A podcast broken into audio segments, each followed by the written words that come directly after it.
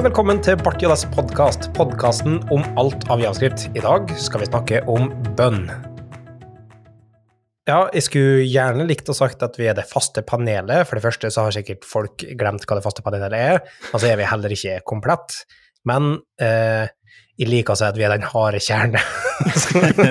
Såpass. Vi er uten eh, den faste, kan vi kalle det, produsenten og, uh, som redigerer, eh, så vi får prøve å klare oss det beste vi kan. Men uh, vi er da fortsatt uh, Tryggestad som har x antall uh, r-er i nikket sitt. ja. Og x-er. Og x-er, ja, ikke sant? X antall Det var det, det. Ja, det, Ja. det var det. Det Det var bra. Mikael. Alfoni, Mhm. har du lyst til å si hei, du òg? Hei, her er jeg. Og så er det da med Mikael, som eh, Christian Alfoni allerede har uh, spoila. Eh, du, tilbake. Jeg tror, Ja. det er nesten, jeg tror det er nesten nøyaktig ett år siden forrige episode. Ikke langt unna, i hvert fall. Det kan stemme, det. Det, det føles lenger, Ja, det gjør det. faktisk. Ja, det gjør det. Jeg føler kjempelenge. Uh, ja, hva er unnskyldninga, Kors? ja, skal vi trekke ut det? det vi- vi snakka om det var pussig at eh, produsenten vår ikke er her, for det er han som har eh, Han har ansvar for, for barn, men ikke i den grad vi har ansvar for barn. Uh, og det uh, Så det er svaret. det er de jævla kidsa. De Ja. Vi har fått eh, drøss med unger. Så alle har eh, eh, nok til å drive lyttertallet opp, for å si det sånn. Nei, det er ikke så mye. Men eh, det er jo rett og slett livet, da. Er ikke det? Og er mye ting som skjer. Eh, og så er det noe med når vi mister den kontinuiteten, så plutselig eh, er det vanskelig å starte opp igjen. Så vi har liksom møttes av og til, og så sånn Ja, vi må spille inn litt til. Eller ja, og så skrevet på, på Slack liksom sånn Skal vi prøve å få til? Så kanskje akkurat da var det ingen som svarte, og så er det noen andre som stiller det spørsmålet senere en gang, og så, og så blir det aldri klaff. Eh, noe svarte klaff. Eh, og det setter jeg i hvert fall pris på. Jeg tror det blir artig. Ja, det tror jeg. Så ønsker vi å få, å få starta opp, da. Eh, kanskje det er ikke sikkert det kommer til å bli på samme akkurat samme måten som tidligere. Det kan vi diskutere litt nå før vi setter i gang, kanskje. Mm. Um, men på en eller annen form så tenker jeg at, uh, at det er målet, da. Uh, en annen ting som har skjedd, kanskje, hører med, er at jeg har flytta vekk fra Trondheim. Så det er litt vanskeligere å møtes fysisk. Ja, det blir jo ikke helt uh, som i gamle dager, holdt på å si. Nei. Mm. Vi hadde en misforståelse her i, i går. Vi skulle egentlig spille inn i går, og jeg tok eh, det som en, en given at vi skulle møtes, møtes live, mens dere tok det som en, at vi skulle gjøre det digitalt, så da ble det i, i dag istedenfor. Ja, du sendte meg en, en tekstmelding en halvtime før vi var avtalt å spille inn. Og sånn Du, det er eh, på, på variantkontoret, ja. Så No. Og det er fordi jeg, jeg sa til dama at eh, jeg skal spille inn en podkast, og så sier hun ja, men jeg skal holde på på kjøkkenet her. Og jeg, nei, nei, nei, jeg skal jo ned til byen. Ja. Og så sier jeg å ja, ja, men så fint, da. Og så tenker jeg skal jeg egentlig til min?' Og så svarer jeg liksom det er tre og en halv time i kjøretur for meg. ja. Og, nei, det er bare det er sånn for meg så er det jeg har mye gode minner fra å bare henge på var- variant og de stedene vi har vært. Eh, Ja.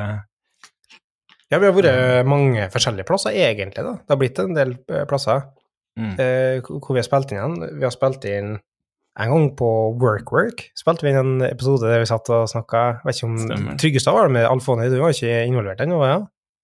Har eh, Nei, på WorkWork Jeg husker vi hadde en live-episode på WorkWork. Ja, Vi hadde en live, men så hadde vi jo en vanlig episode der vi satt i et hjørne på Work Work eh, med gjester og Ja, ja, stemmer det. Nå demmer det. Ja. Um, det første gangen vi spilte inn noe, da var ingen av dere involvert, men da var det en episode med Trin Jen og, og eh, Jonas Follesø, der de delte en mikrofon, og Marius og jeg delte en mikrofon, for da hadde det vært to mikrofoner, eh, nede på blikkboksene på sluppen, da, så heter det. I, i, der Evry holdt til nå. Um, Og så var vi på Ferjemannsveien, har vi vært. en del fast oppe der. Der var jo noen folk som Det var en som besvimte en gang, husker du jeg sa? Ja. det, Ja, det, Eh, ja, og så Jeg kan det på ja. Ja, samme. På Diggs eller noe? Ja, Diggs, ja, ja. vi har vært på. Diggs. Mm. Ja, stemmer. Vi brukte noe studio til Diggs på gamle Diggs i en lang stund, ja. Mm. Eh, og selvfølgelig på eh, den eh, eh, studioet som er satt opp overalt eh, i hvelvet der. Der var det Mm. noe år. Det var kult med Vi hadde jo noen spesial eh, der vi koda, koda sammen. Vi skulle lage et eller annet. Ja. Vi kom ikke så langt, men det var artig. Nei, det har ikke blitt utgitt ennå. Jeg har det ikke. Nei. Nei. jeg, heller ikke ikke det. Jeg, jeg er på YouTube. Ja, YouTube kanskje, men uh, det er ikke ferdig produkt, akkurat. Å nei, og uh, produkt sånn. Ja, ja hva, hva det var igjen? Det var mikropodkastingsplattformen? Nei, hva var det for noe? Hva- Jo, jo, det var det. Vi brukte View, og, og du sto for serveren, og Ja. jeg begynte å syte og klage over at du ikke hadde fulgt med når jeg beskrev interfacet du skulle eksponere. En perfekt eksempel på hvordan det er i ekte verden med det var silobasert utvikling, da. Du har rigga deg opp. Jeg driver og hører eh, er Litt sand, sikkert, eh, men det er mange sikkert som ikke har hørt den ennå, men eh, en bok fra 2018 som heter eh, Phoenix Project. Har du hørt om? Nei. Det er liksom um, Det er en uh, Hva skal jeg si En, en prosabok, skjønnlitterær bok, om fagfeltet. Om hvordan noen innfører devops i et stor organisasjon. Så det er liksom sånn romanbasert, en som sliter gjennom hvordan ledelsen er, og så går den gjennom reiser for kassen, en prøver å introdusere system, og plutselig så får han høre om kanban boards og sånn. Det får det sånn spesifikt skrevet. Det er, det er skrevet for utviklere, Mm. men det handler liksom om kassen. endringsledelse og endring i en amerikansk selskap for å få innført eh, DevOps. Da. Og det er utrolig sånn, sånn slitasje på IT operations og hvor mye press de får fra utvikleren. Sånn. og det har, du har sånne fine sitat som um, det eneste verre enn en utvikler er en security expert, liksom. så, fra IT operations-perspektivet. For at utvikleren liksom bare setter opp til deadline og sitter og knu, liksom knuser på features etter features for å eh, prøve å nå en deadline, og så baker de ikke inn hvordan det skal settes opp og produsere, nei, deployes inn i, i, i Ja. en tradisjonell IT operation setting. Da. Og det er så mange sånne smertepunkt som du kjenner igjen, og som er artig, men så av og til liksom try hard. Da. Men det er en interessant bok, da, som jeg sier. Ja, det hørtes litt uh, interessant ut. Det er sånn der eh, Office Space, er det den heter, den filmen Ja. Den fra 90-tallet eller noe sånt. Det er også, den har så mye, ikke nødvendigvis utvikling, men større selskaper, da. Man, eh, bare en sånn liten ting som at man får støt når han prøver å åpne døra, så får han liksom støt på håndtaket. ja, for du går på teppet hele tida. Ja, jobba, jobba i Netcom, jeg fikk alltid støt. Men eh, før vi går videre til å snakke om dagens tema um, vi, vi, vi kommer til å sikkert utforske litt hvordan vi kan få det til på best mulig måte, uh, og for å få kontinuitet. Uh, kanskje vi endrer litt på format. Um, kanskje blir det noe digitalt, noe ikke digitalt. Har dere noe ønsker? Nå spør jeg faktisk dere, Kristiana. Mm. ikke liksom retorisk ut til lytteren. Jeg var jo veldig fornøyd. Jeg må, jeg må ut av huset foreløpig, eh, så jeg sitter jo på kontoret til, til Christian. Og bare det å se Christian kunne gi han en klem, eh, det Gjorde du det? Ja, ja, ja, ja, ja, ja. er du gæren. Det, det, det var på en måte Det var nok, kjenner jeg. Jeg trenger ikke å klemme alle tre. Eh, Det, det holdt med Skal vi være helt Så, så du har ikke kommet til å få klemme med heller. nei, det er godt. Men Christian satt altså, eh, sa, Eh, Alfoni, hater jeg ørene litt. Ikke øynene, det går bra. Det, likte, likte du klemmen? Stille oppi, vet du. Ok. Ja, ja, ja. Ja, det er ikke noe problem. Det koster ikke Kristian noen ting. Nei, det jeg vet det koster deg mye, Mikael. ja, det, altså, jeg svetter ved her jeg sitter. For å, jeg er redd for å ha en digital klem. Men uh, så satt i samme rom og greier, da. Men så kommer, når vi begynner å spille inn, så funka det ikke med headset og sånn. Så nå sitter dere på hvert sin rom og jeg spiller inn. Ah. Det, det er den ene tingen. Det er veldig hyggelig å, å kunne møte, selv om, selv om det har vært bra å utforske det digitale. Og, og også som vi snakka om i stad, når man først gjør det digitalt, så er det naturlig at man også spiller inn eh, webcamen, som Ja. man også kan bruke til å skape en mer intim versjon på YouTube, eksempel. Og hva legger er du i intim versjon? For intim versjon? en vanlig versjon og en intim, intim versjon, eller? er, eller det er godt For da er kanskje. On- Onlyfans et bedre plattform.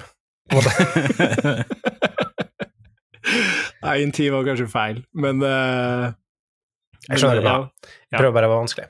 Ja, Uh, en annen måte jeg skal være vanskelig på, er å la den uh, diskusjonen her ebbe ut. Uh, men for dem som hører på, eh, hvis du har noe sånn spesifikke type det, eller noe som du ser for deg kunne funka bra på en digital form, så, så kommer vi til å eksperimentere litt framover, kanskje, eh, og se hvordan det er. Så kom gjerne med forslag.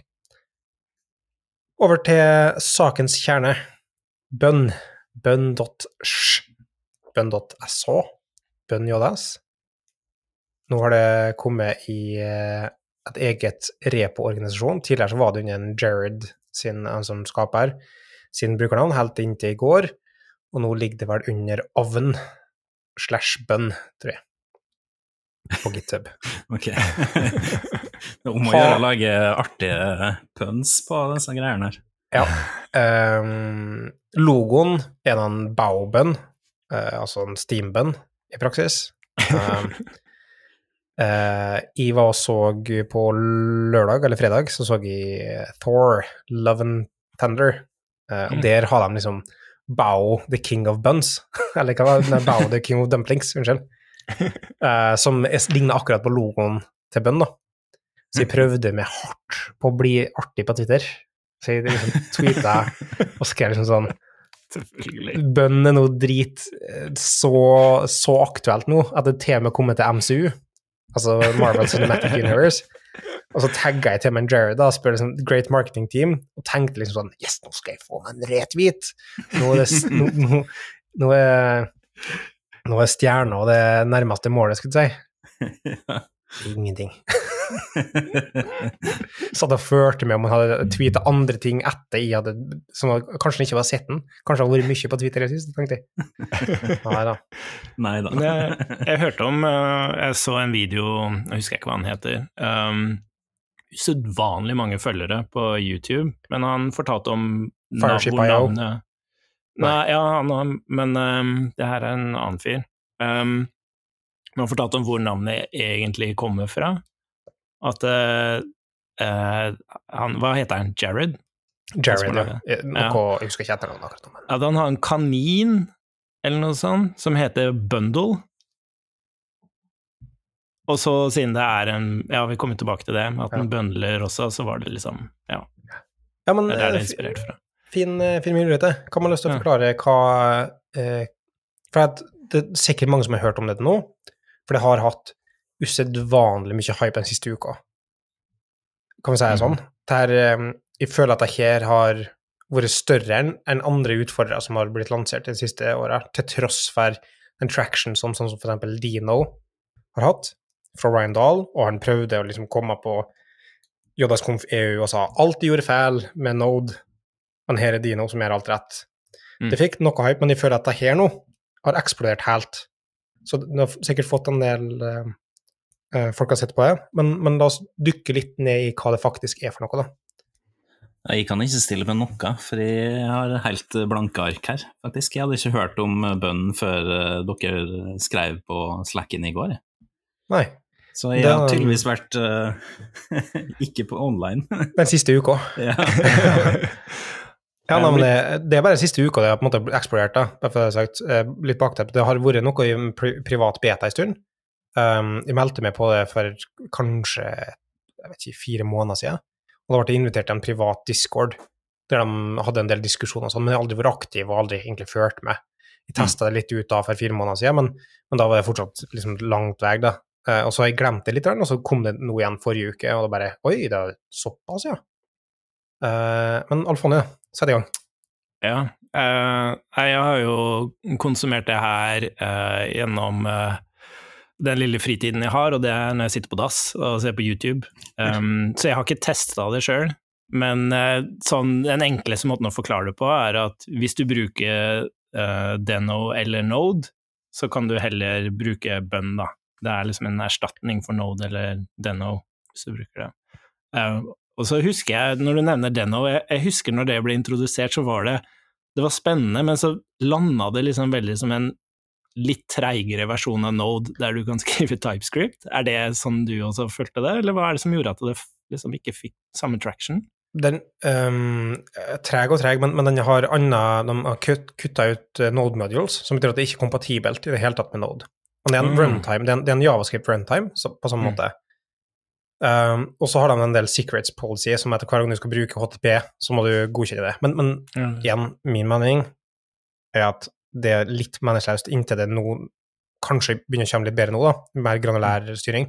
Mm. Men for at nesten alt bruker nå HTP på en måte, sant. Så mm. enten så må du godkjenne det, eller så må du ikke godkjenne det. Så, så, og mm. da godkjenner vi det som regel L, og da er det ja. Men det er et godt poeng med bønn, da. At det er en drop-in, eller er ment å være en drop-in uh, ja. for Node. da. Så hvis du har Node og MPM-pakker og sånn, så skal du i prinsippet kunne bruke bønn. Ja, og, og ofte nå så allerede så funker det ganske mye. Um, mm. Men uh, som du sier, Dino er uh, basert litt på det samme som Node, det er samme skaperen. Det er uh, kjøre på V8-motoren til, til, Google, den motoren som ligger i Chrome, og kjøre og eksekvere javascript. Det er det som heter her, da, det er en, en serverside javascript runtime. Men der sånn som for eksempel Node bruker C++ som underliggende språk til å, å implementere native ting, og, og implementere biblioteket, og, og, sy sammen V8, og V8 er da skrevet i C++, så vidt jeg vet,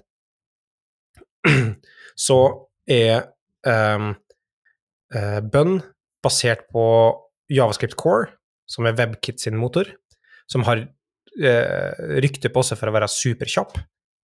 Eh, og, og, og, faktisk ganske god støtte. De siste fem åra så har WebKit kjørt på utrolig mye med API-er, har mye god støtte eh, og er langt fram på, på ECMA-standarden.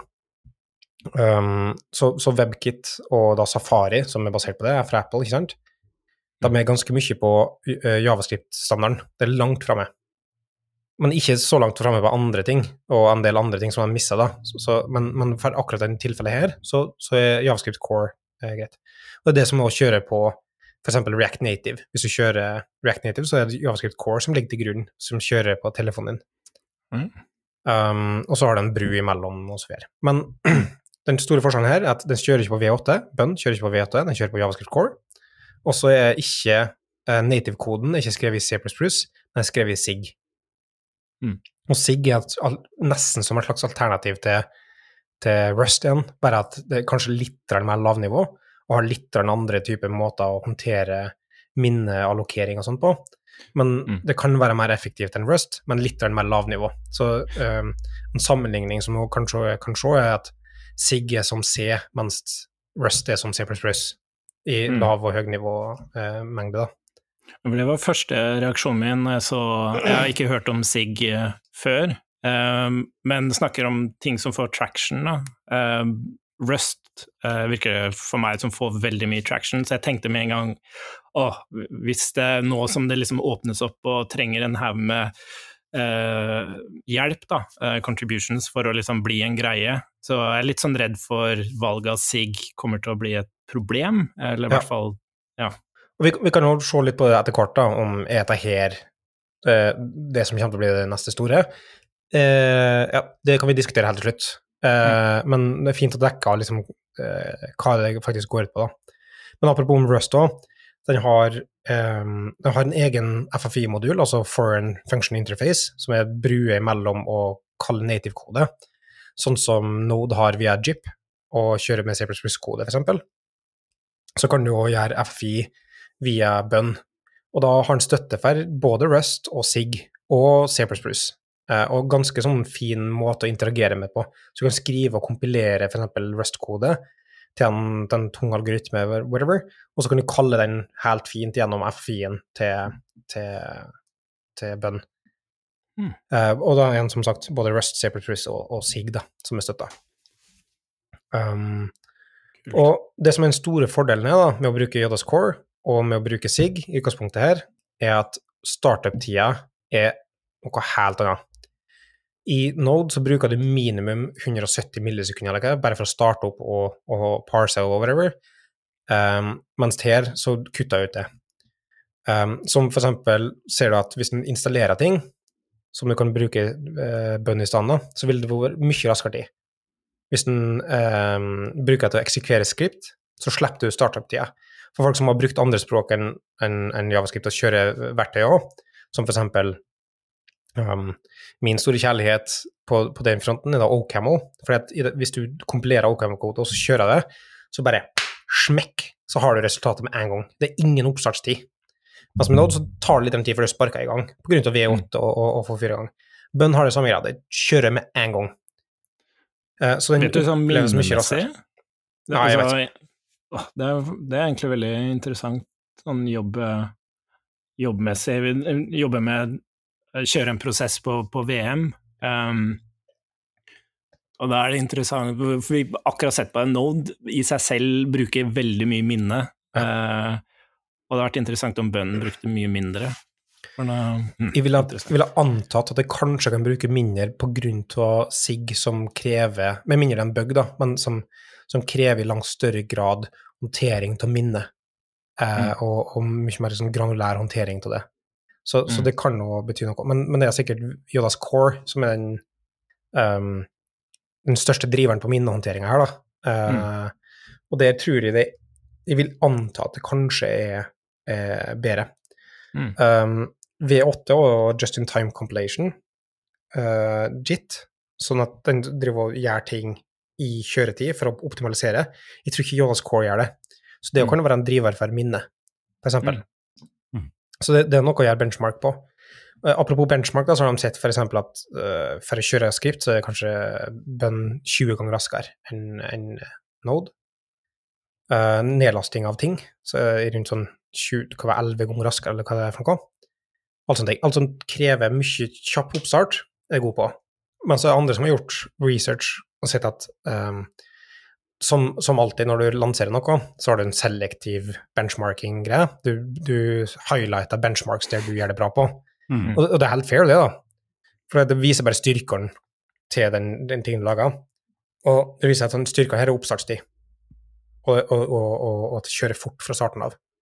Når du, hvis du kjører liksom, um, ting over langere tid, så er det ikke sikkert at det er like eh, bra. Men da, da, da snakker du egentlig om cold starts, og ikke Ja, og Vi kan så, så hvis du har en ekspress-server kjørende, så, så er det bare fra du starter Ja, ekspress-prosessen? for eksempel. Men hvis du kjører store applikasjoner over lengre tid, så vil den tida bli spist opp av at f.eks. for eksempel kanskje gitten i, i V8 er kanskje litt mer optimal over, over tid, da. Ja. Men, men det kommer inn på Ja, unnskyld.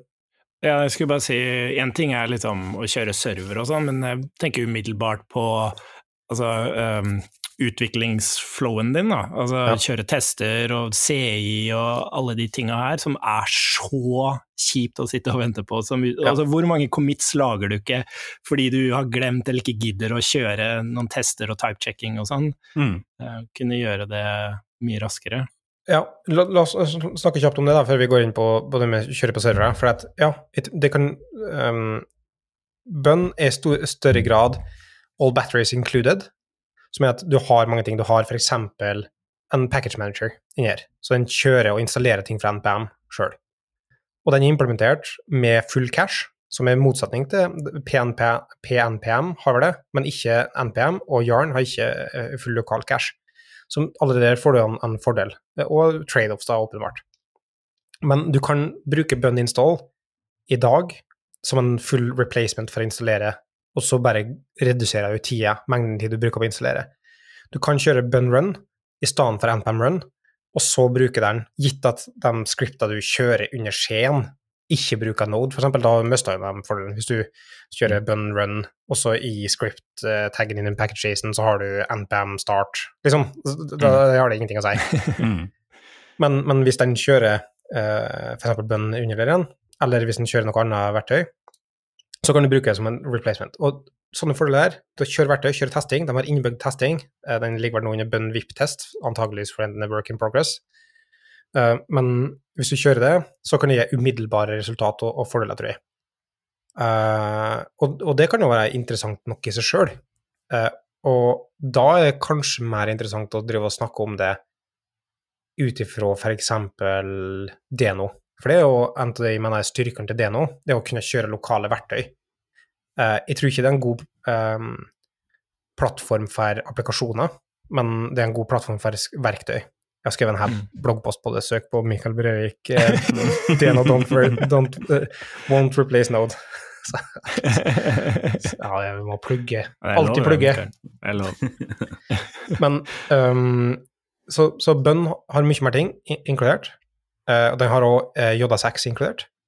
Sånn at hvis du uh, eksekverer en .j6-fil, så vil du få output av det automatisk. Den, den tar og, og, og, bruker det. Og så kan den gjøre det på forskjellige form. De har TypeScript inkludert, med sin egen um, TypeScript-transpilator på toppen, skrevet, så han er, er rask òg. Eh, det er jo en trade-offs, sant?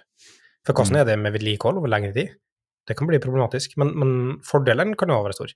Men det er nok da, til sånne verktøyer som skal prøve å inkludere alt mulig. Litt sånn som Rome, litt sånn som andre ting som vi ser, som prøver å pakke mer inn i å kjøre et sånn komplett eh, sett med operasjoner.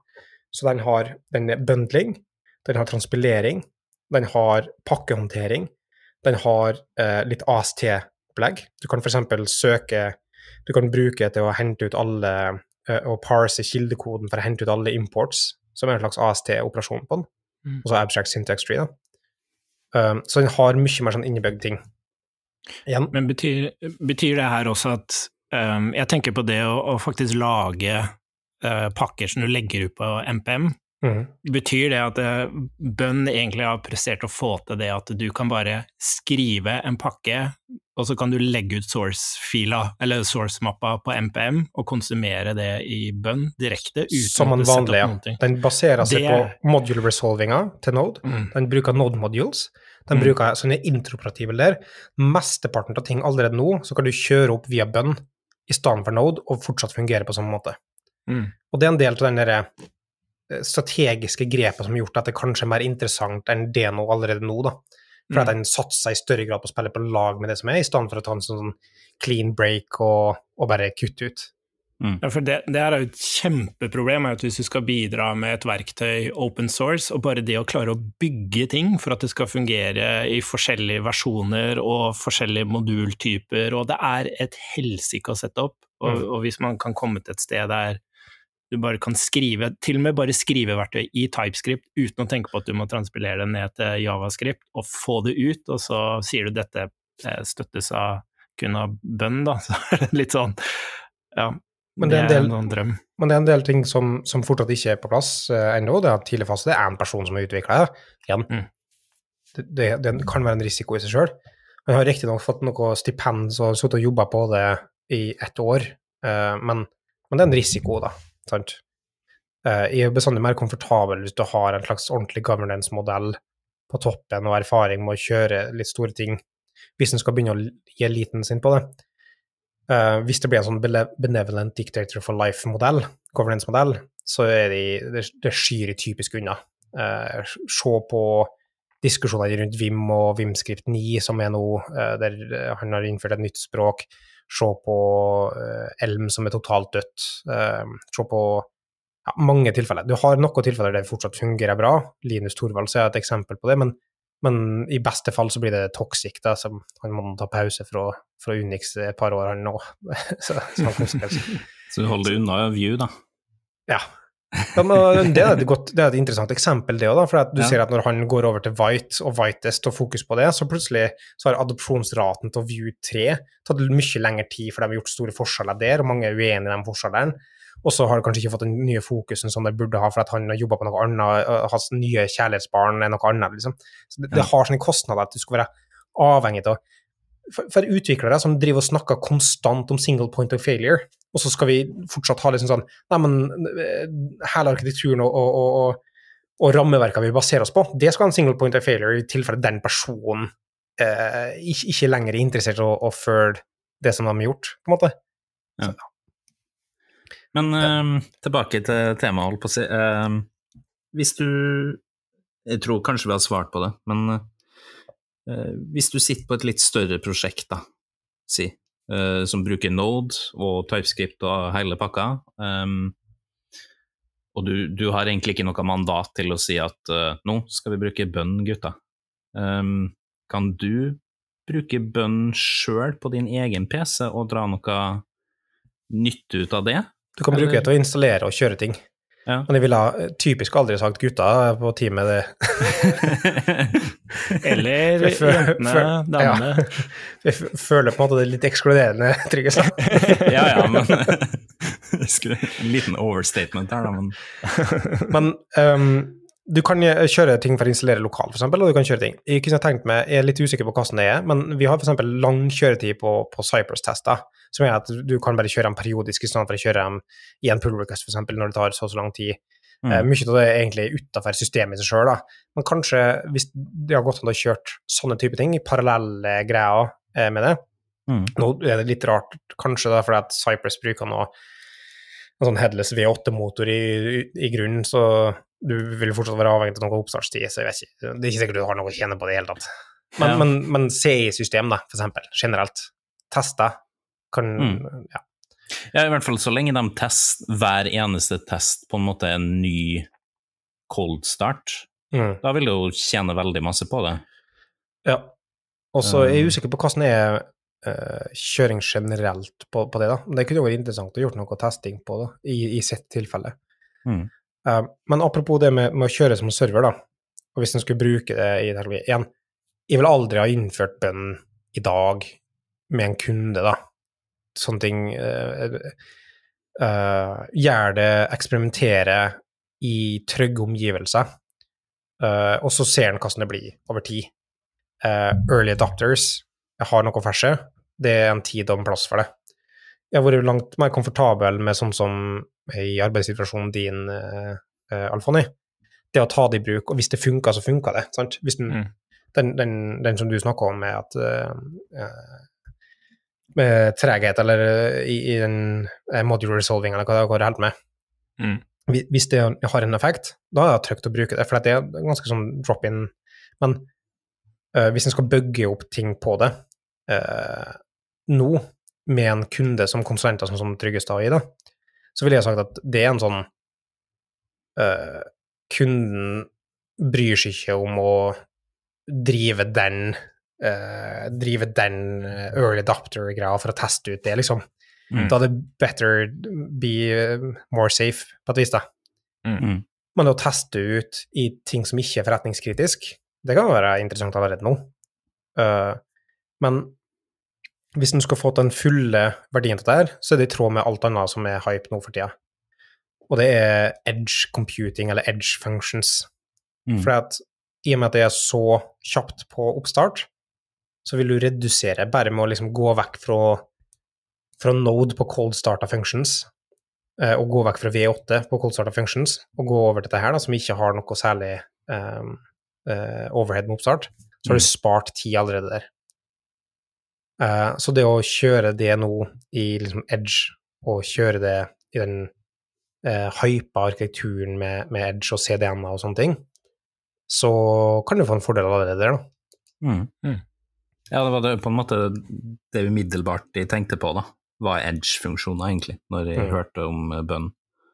Og så tenkte jeg litt på nå har jeg ramla litt av på Next JS i det siste, men jeg innbiller meg at jeg ramla innom en, en, eh, sånn eh, opp, oppgraderingsdokument, altså en ny versjon av Next, og at de da snakka om at de hadde laga en nedstrippa versjon av Node eller noe sånt for kjøring på Edge.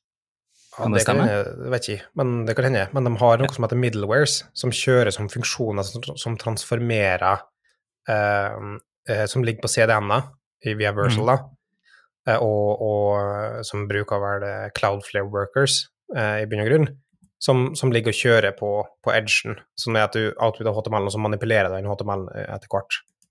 Uh, men Jeg vet ikke om det er en nedstrippa form for Node, men de har noe som heter er SVC, som er et alternativ for uh, Babel, som kjører De har programmert i Rust noe, som er at buggetida deres blir uh, kjappere. men utover det så vet jeg ikke om de har laga noe egen Node-ting. Det var det jeg ble litt usikker på om jeg leste feil, men jeg tenkte i så fall at uh, kanskje det var litt samme greia som bønn. De um, Det var kanskje Edge runtime? Ja, da er nok den CDN-løsninga som middlewares og sånn. Du kan definere ja. egne funksjoner i arkitekturen din med underscore middleware på pages. Så du har en sånn route-basert modell der, så kan du liksom ha underscore uh, middleware på den routen, så vil det bli kjørt ute i CDN automatisk og manipulere, sånn at du kan få f.eks. statisk sidegenerert innhold, men manipulert innhold basert på autentisering ut i CDN-a. Ja. Det er en interessant teknologi som på, lang sikt kanskje betyr at du har um, Ja, la, la, oss si det sånn at altså, en, en microservice-arkitektur på toppen av fronten din, som har fullt av forskjellige funksjoner som manipulerer ting underveis som kan være implementert i forskjellige språk, uh, som forskjellige team baserer seg på osv. Um, så, så det er noen interessante tanker der, og, uh, men min påstand er da at ja, det er interessant som fra teknologiperspektiv, og det er interessant sikkert for mange, men ofte for min del så løser jeg system som skal brukes utelukkende i Norge. Og CDN-er og Edge og sånne ting da har egentlig ingenting å si. Nei. Med mindre de har lokasjoner rundt omkring i Norge, så har det veldig litt å si. Ja, og sjøl da så er det sånn, da snakker vi så mikrofordeler. Ja, det, det, er ikke mange millisekunder å snakke om, nei. Men for liksom Code Sandbox-alfaen, uh, som skal være tilgjengelig over hele verden, så da, da snakker vi nå faktisk en del latency-fordeler, da. Ja, eh, det er interessant når du snakker om, uh, ikke for å dra så altfor langt på det, men vi bruker noe som heter memory snapshots. Så når vi kjører VM-ene våre, og de ikke er i bruk lenger, så, så hibernater vi, men når du tar de tilbake igjen, så er det ingenting som starter opp. Det er akkurat som om du hadde lukka laptopen og åpna igjen. Minnet fortsetter fra der det var, da. så det er ikke noe Til og med hvis vi kjører en dev dev-prosess, så bare fortsetter den dev-prosessen akkurat der den var, om det var 40 dager siden, liksom. Ja. Det er ganske kult. Og det er litt inne på sånn hotstart og coldstart som vi snakka om tidligere, da. I mm. den, i den eh, Både det som tidligere omtalte som lambda-arkitektur, som er bare functions og function as a service som kjører i en eller annen form for, for, for overordnet arkitektur, men òg det med, med, det å bruke functions og edge functions og whatever i, i fronten-sammenheng, da så har det bestandig vært en problem. Og det, det var den største gripe med når Versal gikk over til å utelukkende bruke functions, er at det bestandig var en hot start, nei, en cold start på det, som gjorde at plutselig så skulle ting ta ett sekund å, å kjøre opp. Så det forutsetter at du hadde nok trafikk til å ikke til å ha den nede, da. Men nå så mm. begynner mm. du, å og du har De fleste leverandører har eh, hotstarta functions uten at det nødvendigvis koster mye mer. Så det begynner å gå seg til med at den blir mer og mer general purpose, gitt mm. at den tilpasser arkitekturen sin. da.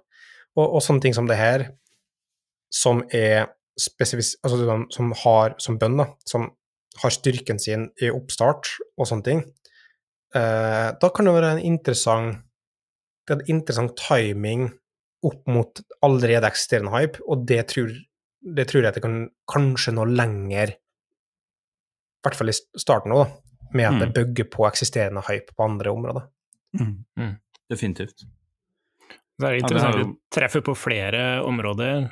En ting er sånn som vi snakker om nå, det som kjører ute på en server et sted i forhold til oppstart, men også vår egen personlige utviklingsflow, da. Altså bare det å skrive kode, passe på at koden funker, ha eh, prosesser som sjekker alt det her, og få det til å kjøre fortere òg. Ja, og med batteries included, sånn at du får mindre plumbing. For eksempel, livet mm. mitt ble sykt mye uere at de gikk over til Whitest i stedet for Jest, bare fordi at mm. TypeScript er mye enklere å få til, og du mm. slipper å drive og tenke på det.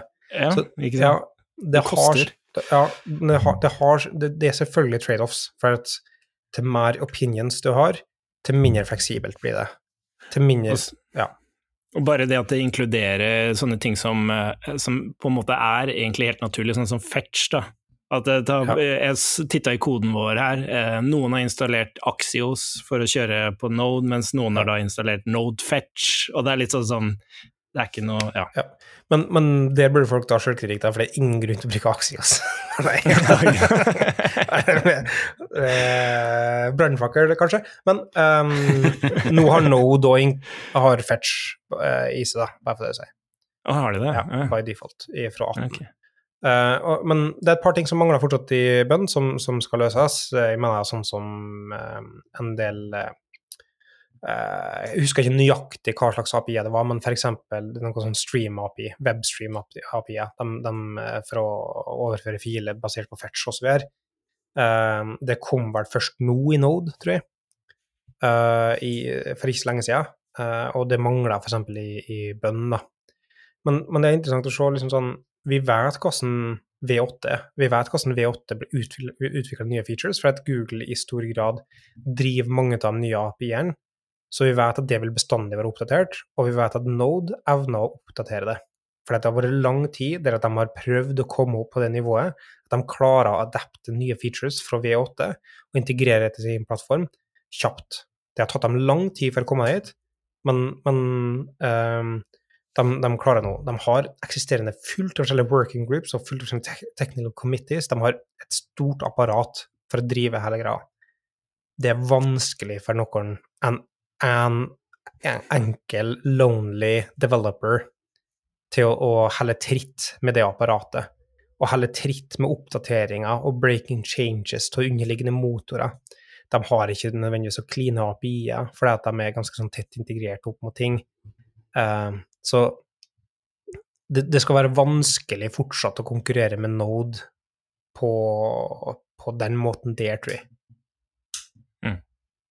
Tanker? Bare det å klare å bygge et community, altså bare det å drive prosjektet. Én ting er å teknisk sett løse det her og bygge det, men å drive det som et prosjekt Du er totalt avhengig av andre for å gjøre det til en realitet, Ja. og hvordan gjør du det som person? Eh, Han sa at jeg så en, en tråd at han hadde sagt at han hadde jobba de siste fire månedene, så han jobba 70 timer i uka. Sant? Hvor lenge er det, hvor lenge er det gjennomførbart?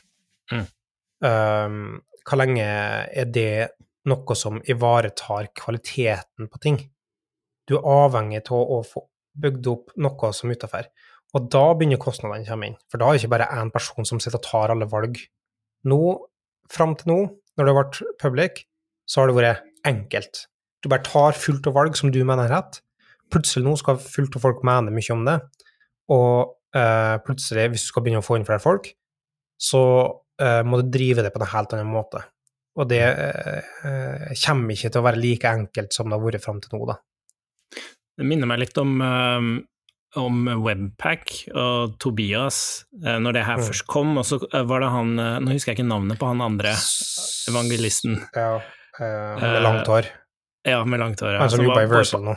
Ikke? Ja, på alle konferanser, og jobba hardt med å liksom eh, få til et, et bra bidragsmiljø og, eh, og så videre. Og det, det må være Det også er en del av å drive prosjekt. Men Mm. det blir spennende å se om de får til den biten av det.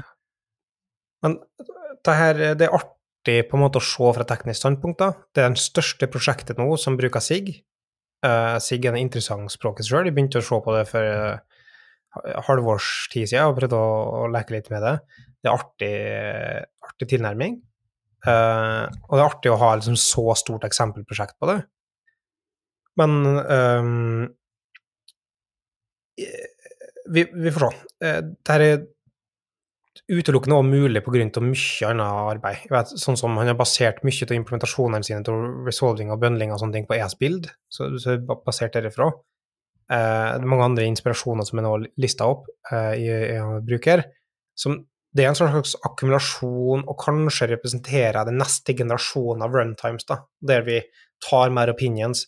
Og igjen, det er ikke sikkert det er helt nøyaktig denne utforminga av det er det, det som kommer til å være arvtakeren, men det forsterker for meg det tydelige bildet og det tydelige behovet som folk har ført på, er at du får en mye mer batteries included, opinionated, stadfesta um, golden happy path-aktig utviklingsflyt, da. Som, Mm. som, som er jo en sånn akkumulasjon av at vi har stabilisert oss i en viss form for eh, felles konsensus om hvordan ting skal løses, da. Så, så det har ikke vært mulig heller før de siste tre-fire åra. Og da har du òg sett at det har kommet mye mer sånne ting. Uh, Next er et eksempel på det òg. Mm. der, sant, der kanskje Create React-app, som spa-løsning, eh, kom med fullt av opinions, men han hadde bestandig muligheten til å ejecte og si at nei, men det er ikke det. Uh, Next tar det litt lenger, mer opinions, som med Nuxt og whatever alle disse her alternativet. Litt mer opinions, litt mindre fleksibilitet. Uh, men da får du en del styrker på det, da. Så uh, it's all trade-offs. Mm. Men det, det betyr at SIG er egentlig ganske mm, nytt og lite utprøvd òg? ja, kan, når var jeg kommet da? 2016 eller noe? Ja. Som, som tross alt er ganske nytt, da, egentlig. Vi må huske på at Rust, som vi tror er nytt, har eksistert i og liksom ble revet gjennom Mozilla lenge, og som det er over ti år gammelt. Um, mens Node i seg sjøl er bare 14 år gammelt, det òg. Så Ja, nei, men jeg tenkte siden du nevnte at det her var på en måte et eksempelprosjekt på SIG, så betyr det eh, Da drar de den konklusjonen at det ikke finnes så fryktelig mange andre prosjekt Nei, ikke så Ja, men størrelsen her, da, så vidt jeg Ja. vet. Det kan jeg at noen vet om noe eksempel, men det har tross alt um, vært tryggere og godt for Rust, tror jeg, for eksempel. Ja. ja, for det er jo Vi snakka jo var litt inn på det tidligere, men det er jo egentlig et stort rødt flagg at uh, man har brukt et uh, språk som ikke så mange kjenner til, da. Enda, i hvert fall. Ja. Men så kan det jo være med på å drive språket framover òg, da. Så det Mm. Litt sånn Ja, det, og og, ja, og, og SIG kan alltids bli en, eh, en stor og langvarig språk, det, på en måte, Mm. for alt vi vet. Eh, Har du lest noe om å kjøre det her inn nettleseren? Nei, vi jobb- vi jobber ikke i Code Sandbox, så vi Nei, jeg, jeg har ikke, jeg har ikke gjort det. Men, men uh, hva som skal, altså du, Da må jo kompilere via Wassum og så videre, da. Ja, og eller om det var liksom Om det var en del av tankesettet at man skulle liksom få til det. Det fins jo prosjekter som, som kjører Node i nettleseren nå. eh, så Men det var liksom Node var aldri tenkt for det, men uh, jeg lurte på om kanskje de hadde det i tankene her. Nei, Jeg vet ikke. Det er Noe å undersøke. Mm. Jeg tror uh, noen uh, avsluttende tanker? Nei, spennende.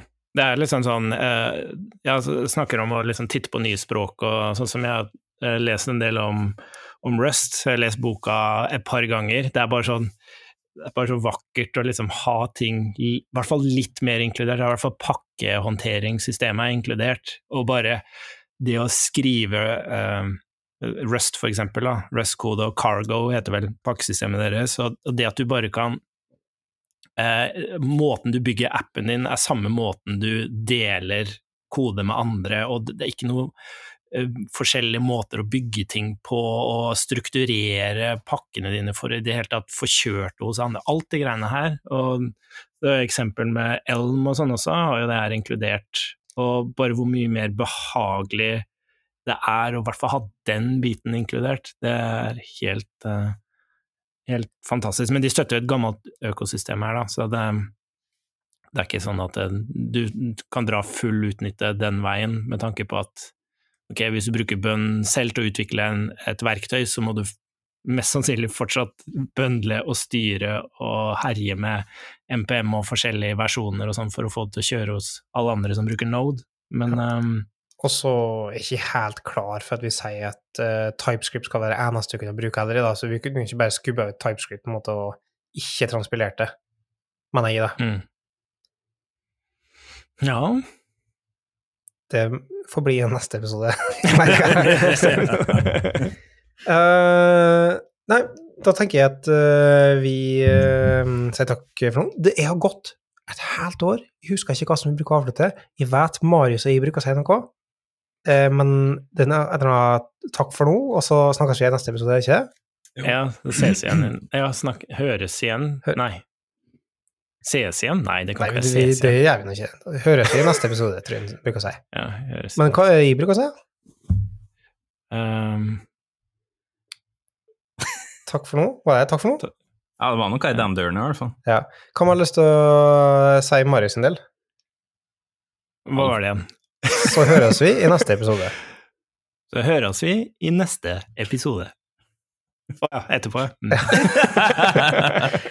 Eh, det det. Eh, hvis eh, noen har spørsmål til det, den mannen med flest r-er og flest x-er i nicknamet sitt, eh, Nord fer Dombås. ja. Da er det ett Larifax på veldig mange sosiale medier, i hvert fall. Og GitHub. Ja, på Blink. Nei. Dessverre. Eksisterer det?